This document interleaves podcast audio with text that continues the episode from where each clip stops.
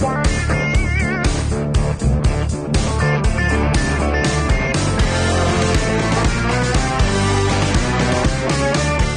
na luz. Podcast motoryzacyjny. Zapraszają Tomasz Gorazdowski i Juliusz Szalek.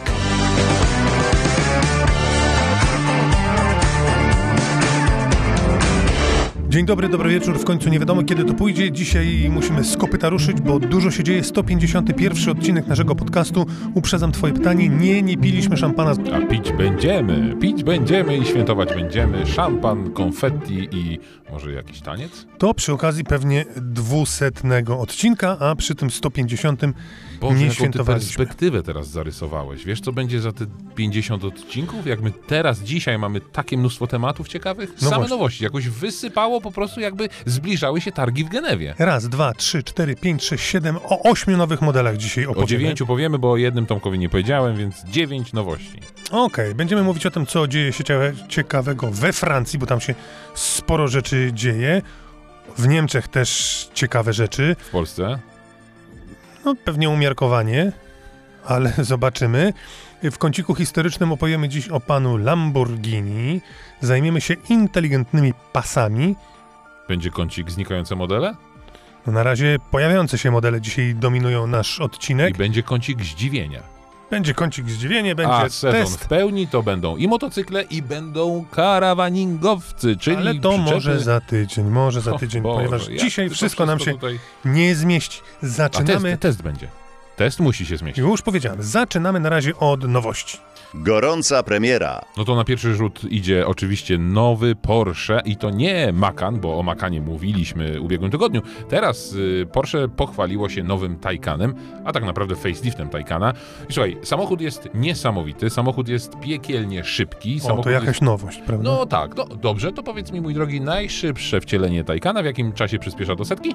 Pewnie szybki test. 2,6. A, no nie, no 2,8. Wybiegłeś trochę przed szereg, ale, ale będziesz tak samo, patrz, tak trafiłeś pomiędzy, bo 2,4 będzie przyspieszał Taycan po faceliftingu, oczywiście w wersji Turbo S, czyli tej najmocniejszej, aż nie chce się wierzyć, bo dzisiaj Taycan, ten, który dzisiaj możemy kupić, za 860, jeśli dobrze pamiętam, y, ma 761 koni mechanicznych, a ten po liftingu ma koni ponad 900 i ponad 1000 Nm, więc to są już kosmiczne jakieś wartości.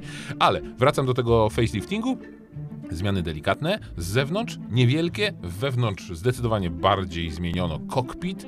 Yy, konsola jest bardziej skierowana na kierowcę, ale niestety miejsca jest tak samo mało jak było, bo te zmiany główne dotyczą tak naprawdę nie tyle hmm, technologii, ale nowego tego tylnego silnika, który jest mocniejszy, lżejszy, no i całego systemu ładowania baterii, tak? Skąd ty chłopcze to wszystko wiesz? z głowy mojej czerpię wiedzę i o ile 275 kW mógł się ładować ten samochód najszybciej i tutaj wtrącę, bo takim Taycanem S e, Turbo S właśnie jeździłem i sprawdziłem moc ładowania maksymalna to było w piku 256 kW, a to oznacza, że bateria wycyckana od zera do 100 ładowała się w 52 minuty. No, zasięg nieduży, ale taki czas był ładowania. Teraz w Taycanie po faceliftingu ta moc ładowania wzrośnie do ponad 350, 320 Tylko, że kW. takich ładowarek nie ma. Wracamy Jest, do punktu są wyjścia. 300, 350, więc to jest niesamowite. No co ja będę gadał? Przyspieszenie niesamowite 2,4 w Turbo S. Bardzo dobrze. To teraz do porównywalnego modelu przechodzimy. Nowy Trafik.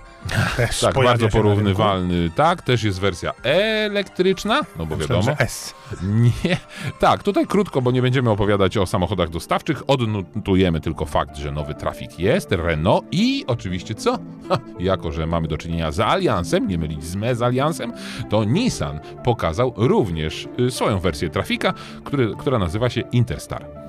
Będzie E-Interstar i będzie też diesel. I to jest chyba dobra wiadomość. No to kolejna nowość, która być może będzie miała na rynek większy wpływ niż E. Trafik, a mianowicie nowa Skoda. Nowa Octavia. Skoda, nowa Skoda Octavia, czyli najpoważniejszy Może przesadzam, ale jeden z ważniejszych modeli Skody. Jeden z ważniejszych to bez wątpienia, y, chociaż y, super całkiem dobrze sobie radzi. Dlatego się tak zawahałem. No właśnie. Y, Nie ma zbyt wielu wiadomości. Wiadomo oczywiście, że ten nowy model się pojawi niebawem już. Pojawiły się pierwsze szkice, które pokazują, że no Skoda cały czas idzie w taki design mocno futurystyczny.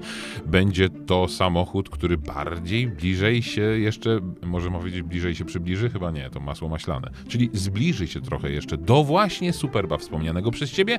Bardziej opływowe kształty, mniej takie... Kanciaste. Mniej kanciasto. Mniej kanciasto. Jeżeli bardziej obłe, to bardziej to Tak. mniej kanciaste. Ale nie wiemy podstawowych będziemy rzeczy, mieć- czyli silników, nie wiemy y, jak będzie wyglądało wnętrze. No, zapowiada się naprawdę gorąca premiera tego roku. Baby Super. O, może i tak. A widzisz. Dobrze to wymyśliłeś. Bardzo dobrze. No to teraz, a propos Baby, to również nowe Mini pojawiło się na Nowe mini horyzoncie. się pojawiło, długo oczekiwane i powiem ci Ale szczerze, ono już jest jakiś czas, ten, ten pokazywane to No pokazywane jest, ale wreszcie teraz tutaj się objawiło w pełnej krasie i o ile z przodu, to jest tak naprawdę dość podobne do y, tego, które jest mini, albo tak naprawdę już się tak opatrzyło, że traktujemy je jako, jako coś y, y, nie nadzwyczajnego, tylko zwykłego, ale zaskakujący jest tył tego samochodu i potwierdziło się to, co mogliśmy dostrzec na jakichś tam szpiegowskich zdjęciach, czyli te charakterystyczne światła, które mm, no mają co prawda wpisany jeszcze w w grafikę flagę brytyjską, ale mają zupełnie inny kształt, taki trójkątny. Nie wygląda to dobrze moim zdaniem. Coś w tym tyle brakuje temu samochodowi. Oczywiście z przodu, nie z przodu, tylko w środku dominuje centralny, olbrzymi, okrągły wyświetlacz, który stał się wielofunkcyj, wielofunkcyjną patelnią. Dzisiaj będziemy mówić jeszcze o jednym samochodzie, w którym z tyłu coś nie bardzo. Nie bangla. No Nie to słuchaj, to pasuje. przeskakujemy, no, Nie no, jeszcze maluchy nam małe zostały. zostały dwa. No, panda. Panda, y, co dać?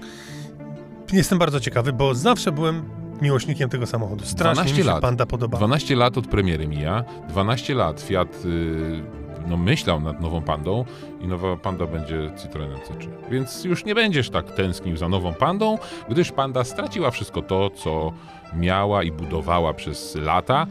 Była panda cross, czyli taka panda terenowa, była ta pierwsza panda też terenowa Ale- i jak pojedziesz sobie na przykład do Bari albo w, gdzieś tam na południe Włoch, to tych pand starych, kanciastych, terenowych To czemu mówisz o 12 latach? Przecież stare pandy mają znacznie więcej niż 12 lat. No te stare, ale od poprzedniej. A, czyli ten ostatni jeżdżący ma 12. Tak, tak. No dobrze, i na koniec nowy elektryk Hyundai. Nowy elektryk Hyundai, który jest zapowiedzią i to jest niesamowite i tutaj tylko Co jest dodam, bo cała Europa żyje tymi samochodami, tanimi samochodami elektrycznymi, tymi małymi, miejskimi i otóż okazało się, że Renault 5 zapowiadany właśnie jako taki tani elektryk będzie miał premierę w tym roku w Genewie, ale tak naprawdę do sprzedaży trafi w, w przyszłym roku, więc trochę to się wszystko odwleka i taka mała dygresja, że trochę mam wrażenie, że firmy odpuściły elektromobilność. Oczywiście głośno tego nie mówią, ale mówią, że jeśli możemy sprzedawać spalinowe samochody, to te spalinowe samochody będziemy sprzedawać. Hyundai chce to chyba wykorzystać i właśnie zapowiedział, że w tym roku na rynek europejski trafi maluch elektryczny Hyundai'a, który nie wiadomo jak się będzie nazywać, ale wiadomo mniej więcej z pierwszych takich jakichś e, zdjęć, e, jak będzie wyglądać. No takie bardzo pudełkowate e, kształty, może niezbyt jakieś atrakcyjne, ale może jeśli ta cena będzie utrzymana, to może faktycznie trafi to w usta Europejczyków, a tak naprawdę w portfele Euro Europejczyków. Yy, bo Volkswagen też zapowiedział i parę innych yy, O firm, Volkswagenie tak. za chwilę. Poczekaj, poczekaj, poczekaj, bo nie powiedziałem ci, a przecież wraca marka. Marka Lancia i nowy Y. O tym też warto powiedzieć, bo samochód, jak na Włochów przystało, jest dość zjawiskowy, chociaż bardzo podobny do Alfy Mito. Bardzo ładnie. Zobaczymy, Widziałeś jak krótko? Proszę Pogadamy. pochwały. jakie krótko podsumujemy, jak będzie pora. No więc teraz te nowości zostawiamy Ale i wrócimy do nich. przenosimy się na razie w przeszłość. Niesamowita historia. Prze? Szłość. Antoni Grudniewski opowie o kolejnej postaci ze świata motoryzacji. Moi mili, skoro przez ostatnie dwa tygodnie przybliżałem wam nieco postać Enzo Ferrari, to dość naturalnym wydaje się również podjąć temat człowieka, który równie mocno jak wspomniany namieszał w świecie motoryzacji. I tu odpowiedź może być tylko jedna. Ferruccio Lamborghini. Urodzony w 1916 roku w rolniczej rodzinie skończył szkołę techniczną, żeby właśnie w tym zakresie odbyć kilkanaście lat później służbę wojskową. Był po prostu mechanikiem wojskowym. Dzięki praktyce, zdobytemu doświadczeniu, pochodzeniu i rynkowym potrzebom wybrał drogę na tamten moment dla siebie najlepszą. Rozpoczął konstruowanie traktorów. Konstruowanie, bo na regularną produkcję musiał trochę zapracować, ale że do leniwych nie należał, to poszło dość sprawnie. W latach 50. był już jednym z czołowych włoskich producentów. Jak to w przypadku panów prezesów, sukces trzeba było zacząć eksponować, bo to przecież wizytówka firmy i jego własnej osoby. Jednym z jego eksponatów sukcesu było Ferrari 250 GT. Tak na marginesie. Jeśli nie jest Wam zimno na widok i na dźwięk tego auta, to szybciutko hop hop powinniście wyłączyć ten podcast. Najsłabsi odpadli? Dobrze. Wracamy do tematu. Ferruccio woził się, popisywał, wiadomo, dobra szajba. Ale wyobraźcie sobie, że nie był najlepszym kierowcą, co skutkowało regularnie spalonym sprzęgłem. Po trzeciej czy czwartej wymianie Ferrari Ferruccio poprosił jednego ze swoich mechaników, żeby to sprzęgło wymienił mu po prostu, sam. I okazało się, że tu o zgrozo sprzęgło w 250 GT nie różniło się niczym od tego, które było w jednym z jego traktorów. I nie chodziłoby nawet o zastosowaną część, ale cenę, ponieważ Enzo, Enzo Ferrari, liczył sobie za nią 100 razy więcej. Panowie się spotkali, weszli w delikatną polemikę, w ramach której Enzo nie ugryzł się w język, wygarniając, że Ferruccio jest jedynie rolnikiem i jego przytyki w stronę najlepszych na świecie samochodów sportowych są mocno odklejone. No i co? Zadziałała męska ambicja. Ferruccio powiedział bez ogródek: No to zobaczymy. Zrobię sportowy samochód i pokażę ci, jak należy to uczynić. Wiecie, że ta historia ma ciąg dalszy i sięga współczesności? Cudownie. Dlatego o tym opowiem za tydzień. Można iść na film. Zachęcaliśmy, prawda? No, zachęcaliśmy, zachęcamy także do filmów na platformach streamingowych. Jest tam z czego wybierać. Jak ktoś lubi Lamborghini, jak ktoś lubi Ferrari, jak ktoś lubi Vespę albo DeLoreana, te wszystkie rzeczy będzie można oglądać. A dzisiaj dowiedziałem się, że powstaje też y, serial o promie Jan Heweliusz i katastrofie. To takie mało motoryzacyjne, ale no prom, który woził samochody. Yy, czy powiesz mi, co tu jest napisane u góry? Bo ten temat mieliśmy poruszyć, ale O niestety nie Boże. potrafisz się przeczytać. Techniczne pasy pie- dla pieszych. bardzo dobrze. Nie, nie, nie, to zupełnie nie o tym, ale bardzo dobrze. Jak tyś to zrobił tego, nie wiem. No to ruszamy. To może teraz, zanim zajrzymy do Niemiec, to zajrzyjmy do Francji, bo tam się sporo dzieje. Jak zwykle we Francji kontrowersyjnie. Chociaż, czy ja wiem, uzasadnij proszę, czy pomysł najnowszy Francuzów z Paryża, żeby więcej płacić za parkowanie Cięższego. samochodu. No jak, jak masz jest obywatela więcej, to on musi płacić więcej. Więc pomysł Paryża jest taki, i to nie całej Francji, tylko Paryża, bo to jest pomysł, który pojawił się w jakiejś przestrzeni i podchwyciły go władze Paryża i zostało rozpisane referendum. A że w Paryżu do referendum mogło iść ponad półtora miliona Paryżan, no ale poszło niespełna 2%. I oni wypowiedzieli się, że tak, jeśli masz duże auto, ciężkie auto, to powinieneś płacić za parkowanie tego dużego, ciężkiego samochodu więcej. A jeżeli masz małe auto i ciężkie, elektryka, To tutaj nic nie wiemy, czy będzie tańsze parkowanie, czy będzie takie parkowanie normalne.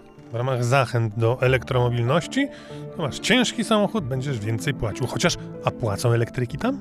No, oczywiście, że płacą, bo to tylko u nas nie płacą elektryki, yy, bo Europa już wycofuje się z tych zachęt. Więc w Paryżu, jeśli ktoś kupi sobie dużego suwa, to będzie płacił za parkowanie więcej i to jest y, znacząca różnica. Mówimy o takim parkowaniu w strefie płatnego parkowania, czyli w praktycznie całym. Paryżu. Tak, ale, ale to nie jest wcale mm, nowość, jeśli chodzi o cały całą Francję, że samochody płacą podatek od masy swojej, bo w Francji jest dość skomplikowany system płacenia podatków za samochody używane i nowe również. E, I kiedyś badałem ten temat i podatek obliczany jest na zasadzie i według euro normy emisji spalin, ale także właśnie według masy samochodu.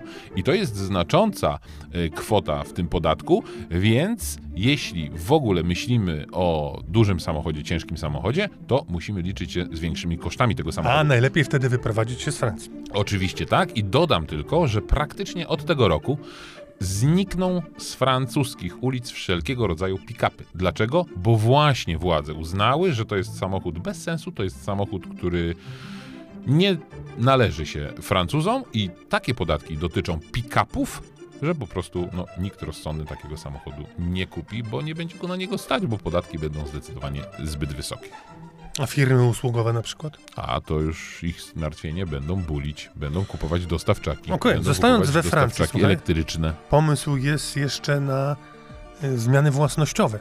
Własnościowe, większościowe w dość dużej francuskiej No firmie. to jest, mój drogi, plotka. Plotka, która O, lubimy wiadomo, w każdej plotce jest trochę prawdy i faktycznie pojawiła się taka informacja, która... Yy, no, coś musi być na rzeczy, bo okazuje się, że mm, Renault, które jest y, osobnym bytem, jeśli chodzi o producentów y, samochodów we Francji, Renault i Dacia, y, nie jest w, z PSA w żaden sposób połączone, a przez to ze Stellantisem, niebawem może się to zmienić, bo francuski rząd rozważa sprzedaż swoich udziałów, a jest większościowym udziałowcem, mimo tego, że ma zaledwie 15% udziałów tylko w Renault, tego pakietu akcji i niewykluczone, że zainteresowane kupnem będzie właśnie Stellantis. A to oznaczałoby, że do Stellantisa, czyli największej grupy tak naprawdę producentów samochodów łączących marki francuskie, włoskie, amerykańskie, tak, na świecie, yy, pod przewodnictwem pana Tavaresza, który nie jest entuzjastą elektromobilności, ale na boczku tam kupił sobie prawa do sprzedaży chińskich samochodów elektrycznych, tak na marginesie przypomnę.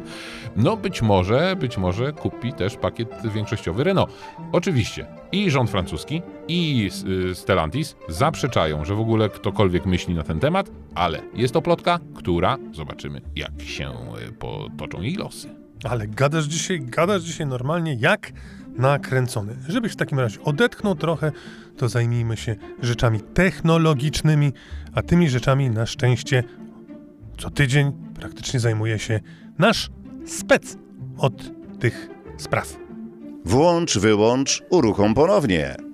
O technice i elektronice Tomasz Okurowski. Czy można jeszcze udoskonalić takie rozwiązania jak takie tradycyjne pasy bezpieczeństwa? Pasy, które zapinamy za każdym razem, gdy wsiadamy do samochodu i ruszamy w drogę. Niemcy z e, jakże dobrze znanej firmy ZF, którą przynajmniej ja kojarzę przede wszystkim ze znakomitymi skrzyniami biegów, biorą się za różne rzeczy związane z wyposażeniem samochodu i między innymi ZF ma na swoim koncie już chociażby e, różnego rodzaju układy asystujące kierowcę oraz ma również na swoim koncie nową generację komputerów, które przydadzą się między innymi do przyszłej jazdy autonomicznej.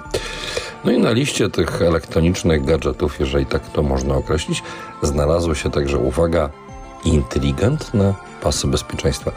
W oryginale ZF używa określenia Intelligent Smart Bells, innymi słowy po prostu Smart Bells, e, pasy, które zyskały e, wyjątkowe funkcje.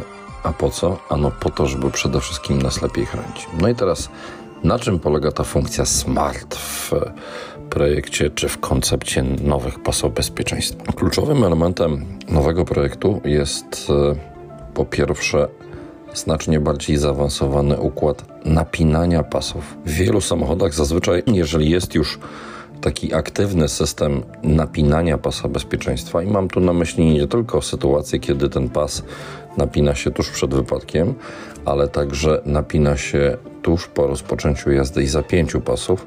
Zwykle w samochodach premium to no, najłatwiej odczuć, kiedy zapniesz pasy, uruchomisz silnik, ruszysz i po chwili poczujesz, że ten pas jeszcze dodatkowo napina się na ciele tak, żeby możliwie jak najlepiej przylegał do naszego ciała. W rozwiązaniu ZTF zastosowano coś więcej niż takie dwustopniowe e, napinanie.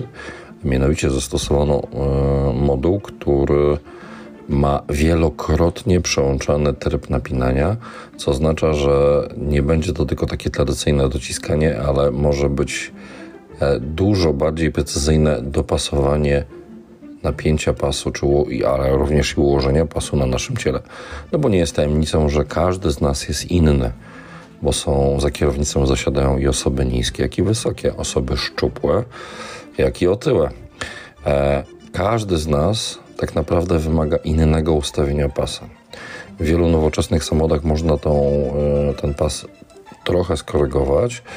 Wystarczy zerknąć na słupek środkowy i mamy taką charakterystyczną dźwignię, dzięki której możemy regulować wysokość ułożenia pasa. W koncepcie ZF e, rozważana jest opcja takiego automatycznego dostosowania ułożenia pasa, także pod względem wysokości, a w jaki sposób ten pas będzie dostosowywał się do naszego ciała. A no uwaga, ZF uwzględnia także m.in. kamery znajdujące się w samochodzie, ale na tym nie koniec. Do e, tego, żeby ten pas był optymalnie spoczywał na nas, na kierowcy, na pasażerach, będą również brane pod uwagę dane z czujników zewnętrznych. Wszystko po to, żeby przygotować e, reakcję pasa stosownie do zagrożenia, innymi słowy, do takiego przygotowania się do kolizji.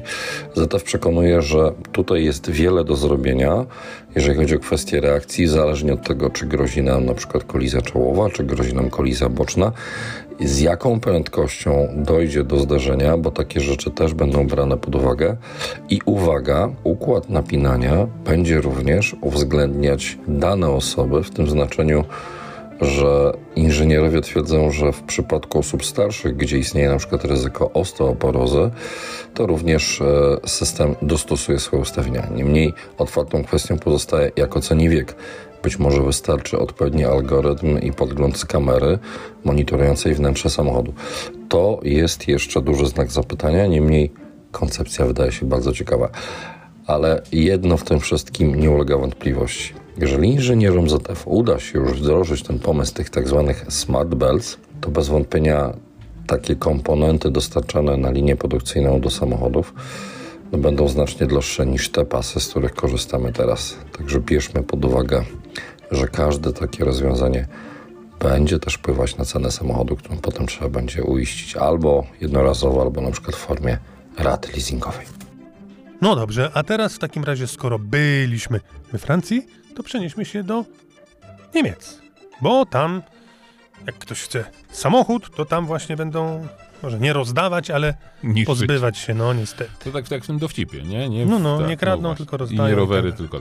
I tak, no, sytuacja jest y, naprawdę zabawna, bo wiadomo przecież, że Volkswagen, który produkuje całą rodzinę samochodów ID, y, produkuje je na rynek europejski i światowy nawet, sprzedaje w platformę, na której też inne marki budują samochody elektryczne i też Volkswagen w ramach spółek joint venture produkuje samochody ID, na rynku chińskim. Jeden z dealerów postanowił sprowadzić 22 samochody z Chin do Europy w ramach prywatnego importu i je później tutaj sprzedać. Nie omijając, bo to Niemiec, prawdziwy Niemiec, nie omijając żadnych y, proceduralnych spraw. Zrobił wszystko legalnie. A poczekaj, ale w jaki sposób? Yy, może nie tyle w jaki sposób, co po co? Bo te samochody są tańsze, zdecydowanie okay, tańsze. żeby zarobić. Tak, żeby zarobić, żeby sprzedać te samochody, bo tutaj mowa jest, y, jeśli y, wierzyć informacjom i doniesieniom, że chodziło o modele, które są u nas dostępne, bo wiadomo, że w Chinach są modele, które są u nas dostępne, czyli ID3, ID4, ID5, ale są też modele niedostępne w Europie, czyli na przykład ID6. Tu chodziło o samochody, które u nas są dostępne. U nas czy w Niemczech? No w Europie w sensie. A, dobra. Więc i w Polsce. I sprowadzono takie 22 samochody, przygotowano, wszystko opłacono, podatki, cła, wszystko, wszystko się zgadzało i Volkswagen wystąpił do sądu z prośbą, czy z nakazem, czy z wnioskiem o to, żeby ten dealer, który sprowadził te samochody w sposób legalny, zniszczył te samochody. I sąd przychylił się do tego wniosku, uznając, że te samochody nie odpowiadają normom europejskim. No może nie odpowiadają. W prywatnym imporcie nie ma, czy odpowiadają, czy nie odpowiadają. One Ale firma jako producent ma prawo dbać, żeby na jego rynku były samochody odpowiadające jego wymogom, założeniom. Jeżeli coś tam nie działa i jest To nie tak, bardzo dobrze, że sobie nie kupiłeś Bronco Forda, bo w Stanach Zjednoczonych te Fordy mają inne homologacje i nawet jakbyś sobie kupił go w prywatnym imporcie i zapłacił wszystkie podatki i go zarejestrował legalnie, to ale pan tu, Ford ale tu Ford halo, u halo. nas nie produkuje tych samochodów. No ale co z tego? No co, no właśnie ci powiedziałem, co z tego. To te, co produkuje możesz, a te, co produkuje nie możesz? Bzdura jakaś. Śmieszna sprawa. No i skończy się na tym, że 22 Volkswageny trafią pewnie do zniszczarki. No może lepiej odesłać je do Chin. No właśnie, chyba nie jest to możliwe już. Po prostu trzeba je zniszczyć. Taka to jest y, historia, a ja tylko dodam, dodam, że i w Polsce pojawiają się importerzy, może nie są to importerzy czy dealerzy Volkswagena, ale prywatni importerzy, którzy, ściąg- którzy ściągają z Chin samochody. I na pewno zadasz mi pytanie, ale jak można ściągnąć samochód z Chin, bo jest to proceduralnie trochę skomplikowane, ale przypomnę tobie, że no nie trzeba takiego samochodu ściągać z Chin, można go na przykład ściągnąć zdecydowanie z bliższej odległości, na przykład z Ukrainy. Okej. Czy przed testem jeszcze coś mamy? Oczywiście jeszcze całe mnóstwo. Ważne dwie informacje. 2 lutego, czyli kilka dni temu, na autostradzie A2 został uruchomiony odcinkowy pomiar prędkości. Na jakim Uwaga. odcinku? Przed Poznaniem. Jeden jest na obwodnicy Poznania, a drugi jest na autostradzie. Jakieś chyba 50 czy 30 km przed Poznaniem i tych odcinkowych pomiarów prędkości jest w Polsce coraz więcej, więc zwracamy na to uwagę, żeby uważać, żeby po prostu uważać, bo e, Uważać można... trzeba zawsze. Tak, ale tu szczególnie trzeba uważać, bo niektórzy twierdzą, że to maszynki do zarabiania pieniędzy. I druga jest jeszcze pomysł taki, no bo wiadomo, ostatnio była seria też znowuż jakichś takich masakrycznych wypadków w Polsce. E, Jednym z nich, e, e, do jednego z nich doszło za sprawą młodego kierowcy. I ITS, Instytut Transportu Samochodowego, wypowiedział się w tej kwestii i rzucił pomysł. Jak poprawić bezpieczeństwo na naszych drogach? Wiesz, jaki to jest pomysł? No on ciebie troszkę nie dotyczy, bo widzę PESEL nie ten żeby młodzi kierowcy nie prowadzili samochodu od 22 do 6. Co ty na to? Wiesz co, myślę, że tak na pierwszy rzut oka to bzdura trochę. Z drugiej strony, jak się temu przyjrzysz, sądzę, że nikt nie wpadł na ten pomysł tak od, od No, sobie. Ale nie jest, Nie jest to, to- jakieś ograniczenie swobód? Jaki tam swobód? No jeżeli chcesz coś zrobić, czasami musisz coś ograniczyć. W związku z tym, jeżeli z A badań wynika, blondyny że mogą jeździć na przykład a robią po więcej, 21.30? a więcej, więcej wypadków powodują po 21 No, blondyny? ale może system szkoleń jest po prostu do bani, co? A nie takie ograniczenia. Może tak ła- najłatwiej zakazać, nie?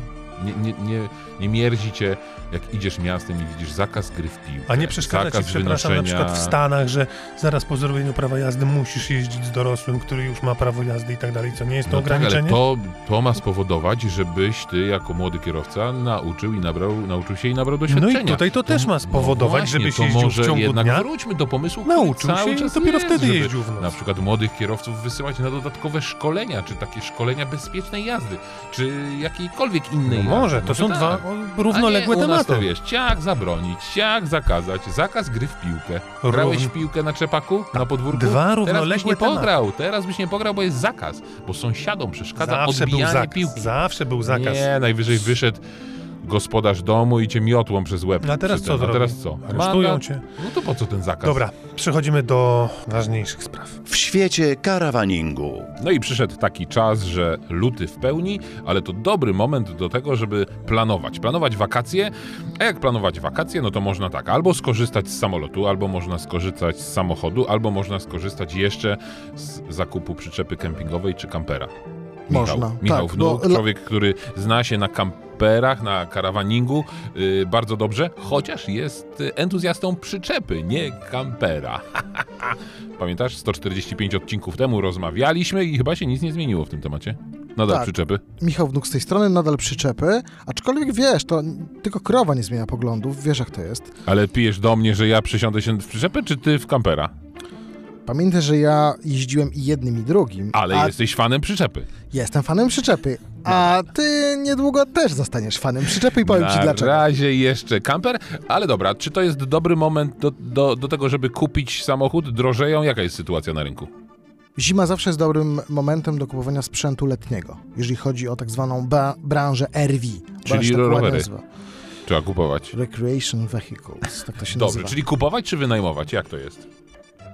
Ha, to jest bardzo trudne pytanie, bo to zależy od bardzo wielu czynników. To tak jakby dowiedział dobry prawnik, to zależy. Ale my mamy dane, ty masz dane i możemy się danymi podeprzeć. Jak to było w zeszłym roku? Kupowali, wynajmowali ludzie, sprowadzali przyczepy czy kampery? Tak naprawdę robili wszystko, jedno i drugie, natomiast liczby pokazują, że rządzą przyczepy w naszym kraju. Niestety. Bo są tańsze? I wyobraź sobie, że rządzą przyczepy używane. O. Wiesz co, na to ma wpływ bardzo wiele rzeczy, ale może omówimy to tak od początku, dobrze? Nie No więc konkretnie, konkretnie. Wyobraźcie sobie, że mm, pierwsze rejestracje, jeżeli chodzi o nowe samochody kempingowe, czyli te kupione W, w Polsce, salonach. w polskich salonach, jeżeli chodzi o samochody, czyli kampery, mówimy całe gremialne grono kamperów, to jest 1343 sztuki. Lichutko. No wiesz, w porównaniu do rynku niemieckiego to tak można Lichutko. powiedzieć tyle, co sprzedaje jeden land. Jeżeli chodzi o rejestrację nowych przyczep kempingowych w 2023 roku, to jest 923 sztuki. Czyli więcej kamperów nowych. Tak, ale tu cię muszę zaskoczyć. Wiesz, kto sprzedał, jaka, jaka marka, jeżeli chodzi o przyczepy kempingowe, o nowe przyczepy kempingowe, była, Zaskoczyłbyś mnie, była gdyby- najpopularniejsza? Gdyby, gdyby, gdybyś powiedział niewiadów. Tak, 200 sztuk. No to jestem zaskoczony. E, tak, drugie było Hobby, 189 sztuk i trzeci Detlef, 131. Czyli niewiadów i potwierdza się moja teza, że te jednak tańsze rozwiązania są w modzie, no bo niewiadówki nie są chyba najdroższymi przyczepami, mając w głowie gdzieś te olbrzymie Adrie, wypasione hobby czy jakieś inne produkty. Tu może ważna być cena, ale także waga. A, no tak, wiem, że ty, waga to twój konik. Chociaż nie piję do, do brzusia. Teraz omówimy sprzęt używany. I tak, analogicznie, samochodów kempingowych używanych zarejestrowaliśmy 2152 sztuki. Gdzieś zdecydowanie więcej niż nowych. No wiadomo, samochody nowe były ciężko dostępne w 2023 roku, były Zdecydowanie Był- droższe, bo były już nie, nie kupimy za droższe. 300, tylko za 350 plus. Był problem z dostępnością, był zahamowany łańcuchy dostaw, nie było podwozie, etc., etc. I teraz uwaga. Ile sprowadziliśmy przyczep kempingowych używanych i ile żeśmy ich zarejestrowali? No, jeśli samochodów 2000, to obstawiam 4000 przyczep. 7897 sztuk. Czy wszystkie są na budowach? Nie, to są właśnie przyczepy, które mają służyć do przemieszczania się. Czyli w tym roku wniosek jest jeden. Będzie ciasno na kempingach. Będzie ciasno na kempingach, ale pamiętaj też, że dużo ludzi z przyczepami jeździ na dziko wbrew pozorom. Wiesz, możesz spotkać te przyczepy gdzieś po krzakach. Jest dużo ciężej jeździć na dziko z przyczepą niż No z kamperem, ale jest to możliwe. A jak z tą masą? Bo y, tutaj zahaczyliśmy trochę ten y, temat i co, królują duże przyczepy, ciężkie, czy raczej te mniejsze? No już nie mówię o tych ekstremalnych, gdzie tylko w przyczepie mieści się łóżko. Tu bardziej problem polega na tym, że jeżeli popatrzymy na najpopularniejsze samochody w naszym kraju, nowe i używane, to są to raczej samochody małe albo, można powiedzieć teraz, lekkie. I wiesz, problem polega na tym, że samochód kompaktowy może holować tak naprawdę niedużą przyczepę. I to jest całe Fopa pas sytuacji. sytuacji. Bo nie wszystkich stać na terenówkę czy dużego pick-upa, żebyś mógł wrzucić na, na hak coś powyżej 2,5 tony. Bo załóżmy taki przeciętny SUV klasy B, to nie ma na haku 2 ton, wyobraź sobie. Czyli coś zdecydowanie mniejszego, zdecydowanie lż- lżejszego. Ale powiedz mi jedną rzecz, bo to mnie nurtuje. Spośród tych 7 tysięcy przyczep, y, które były zarejestrowane w ubiegłym roku, Tak, one są no zarejestrowane. właśnie, to to znaczy, że tak naprawdę te przyczepy trafiły do swoich właścicieli, a nie do komisów, jak to jest w przypadku samochodów, więc y, czy ktoś, kto planuje wakacje teraz i pomyślał sobie, słuchając naszej rozmowy, przyczepa to jest świetne rozwiązanie, to co ma zrobić? Szukać w komisach, czy szukać za granicą? Wiesz skąd najwięcej Polacy importowali przyczep? Z jakiego kraju? Nie mam zielonego pojęcia, a jakbym wiedział, to bym ciebie nie zaprosił. To teraz taka mała podpowiedź. Kraje, w których popularne są przyczepy, te przyczepy są tam popularne, ponieważ podatki na te przyczepy są bardzo niskie, albo te podatki na przyczepy nie istnieją. A podatki na samochody są bardzo wysokie. Dania? Dokładnie. Numer jeden była Dania. Dopiero później była Holandia, Belgia i Niemcy. Najwięcej przyczepy sprowadzamy z Danii. No to, szanowni słuchacze, jak już wiemy, czy sprowadzić samochód z y, Danii, Holandii, Belgii, a jestem tego przykładem, bo pierwszego kampera sam sprowadzałem, y, czy kupić używaną przyczepę, to już wiemy, jaki kierunek obrać i wiemy, jaką wielkość przyczepy obrać, a w następnym odcinku opowiemy, jakie trendy panują y, w modzie kamperowo przy przyczepkowej. Dziękuję Czyli Ci. RV. Dziękuję. Dziękuję. No to spróbujmy. Nasz test. Ioniq 6. Słuchaj, to jest to miejsce, w którym nawiązujemy do tego, o czym mówiliśmy wcześniej, że po raz drugi pojawi się samochód, w którym coś nie bardzo udało się z tyłem. A ja nie wiem, wiesz co, ja ci powiem, że Podoba ci się? przekonuję się, powoli, powoli się przekonuję. Mhm. To mamy przekonywanego i przekonującego oraz nieprzekonanego, czyli mnie. Nie podoba mi się taki trochę niedorobiony sedan. No nie, No. to nie jest sedan. No, to, jest właśnie coupé. to, to, a, to jest właśnie niedorobiony sedan, bo to takie coupé, no, Wiesz co, to jest trochę takie, żeby to było trochę kontrowersyjne. a poza żeby tym- nie było takie jak, byłoby takie jak inne, to wszyscy by mówili, e, takie jak coś innego. a to poza tym po same plusy, inne. rozumiesz? Poza tym A. same plusy. No właśnie, bo ja chciałem trochę tych minusów, no, Tak, to ja uniknąć. ci powiem a o ty- plusy. Jeździ jak bajka. Miejsca w środku? Z tyłu. Gigantycznie. Z tyłu. Ja, to jest, z tyłu on wygląda na dwa razy większy od Superba. Ja nie wiem, Chociaż on nie wygląda, jest. dzięki tej sylwetce coupé, wygląda, że tam z tyłu wcale nie ma dużo miejsca. Ja tam wsiadam i po prostu głową, moją bujną Ale ile czupryną na nie nogi? szoruję, wiesz. Ile na nogi miejsca. No i stopy mam akurat małe, więc miejsca nie potrzebuję. Stopy, stopy. Zauważ, stopy. No, w każdym razie miejsca jest gigantycznie, jeżeli ktoś chce mieć duży samochód, z, znaczy samochód właśnie nie za wielki, ale z dużą ilością miejsca w środku, idealny. Poza tym zaznaczyłem, jak jeździ. Jeździ fantastycznie. Ten silnik elektryczny jest tak zrobiony, że jak, no tak jak powinien być. To nie jest samochód wyścigowy, w związku z tym głowy nie urywa przy przyspieszaniu, chociaż oczywiście, No jak właśnie. dynamicznie zrobisz, to jednak możesz po jakimś czasie mieć pewnego rodzaju druh, ale jeżdżąc normalnie, jeździsz normalnie. Mi się podoba system iPedal, z którego niektóre firmy rezygnują, nie wiedzieć czemu. Mi się pojawi, po, podoba ten boost, yy, taki dodatkowy zastrzyk mocy i podoba mi się jedna najważniejsza rzecz. Niskie spalanie. To był pierwszy z samochodów elektrycznych, dużych, takich no ciężkich, dużych samochodów, który nie pali, nie kotłuje tych yy, kilowatów, tylko to zużycie energii faktycznie no, jest poniżej 20 kW właśnie na 100 km to w tak dużym samochodzie, z tak dużą baterią, to nie jest y, y, oczywiste. Y, co tu dużo gadać, ostatnio wysiadłem z chińskiego samochodu, który kotłował naprawdę 35, momentami 40. To samo No dobra, ale Tyczy. powiedz, bądź teraz obiektywny, powiedz, co to był za samochód. Honchi. No właśnie, to po prostu jeżdżąca góra Duży, lodowa. większy no. oczywiście, ale no daj spokój. No to jest porównywalne z e-tronem, to jest porównywalne z EV9, y, więc no, no naprawdę duży ten. Więc tu Ioniq 6 d- zdecydowanie plus i to najważniejsze, bo to nie mówimy o takim y, snuciu się wokół trzepaka, wokół którego nie można grać w piłkę, jak już ustaliliśmy, tylko o jeździe autostradowej. No dobra, to I gdzie te przy- minusy? Przy 140 naprawdę to zużycie jest niesamowicie Gdzie niskie. minusy? Minusy. A widzisz, zabrakło. No Zabrakło, zabrakło, no. no. bo jak mamy do czynienia z architekturą 800-woltową, ty, no to ładowanie jest moment. No, cena trochę jest minusem. Wiesz co, ja wiem, czy to jest cena dla nas 284 minusem, dla kogoś będzie 304. plusem. No.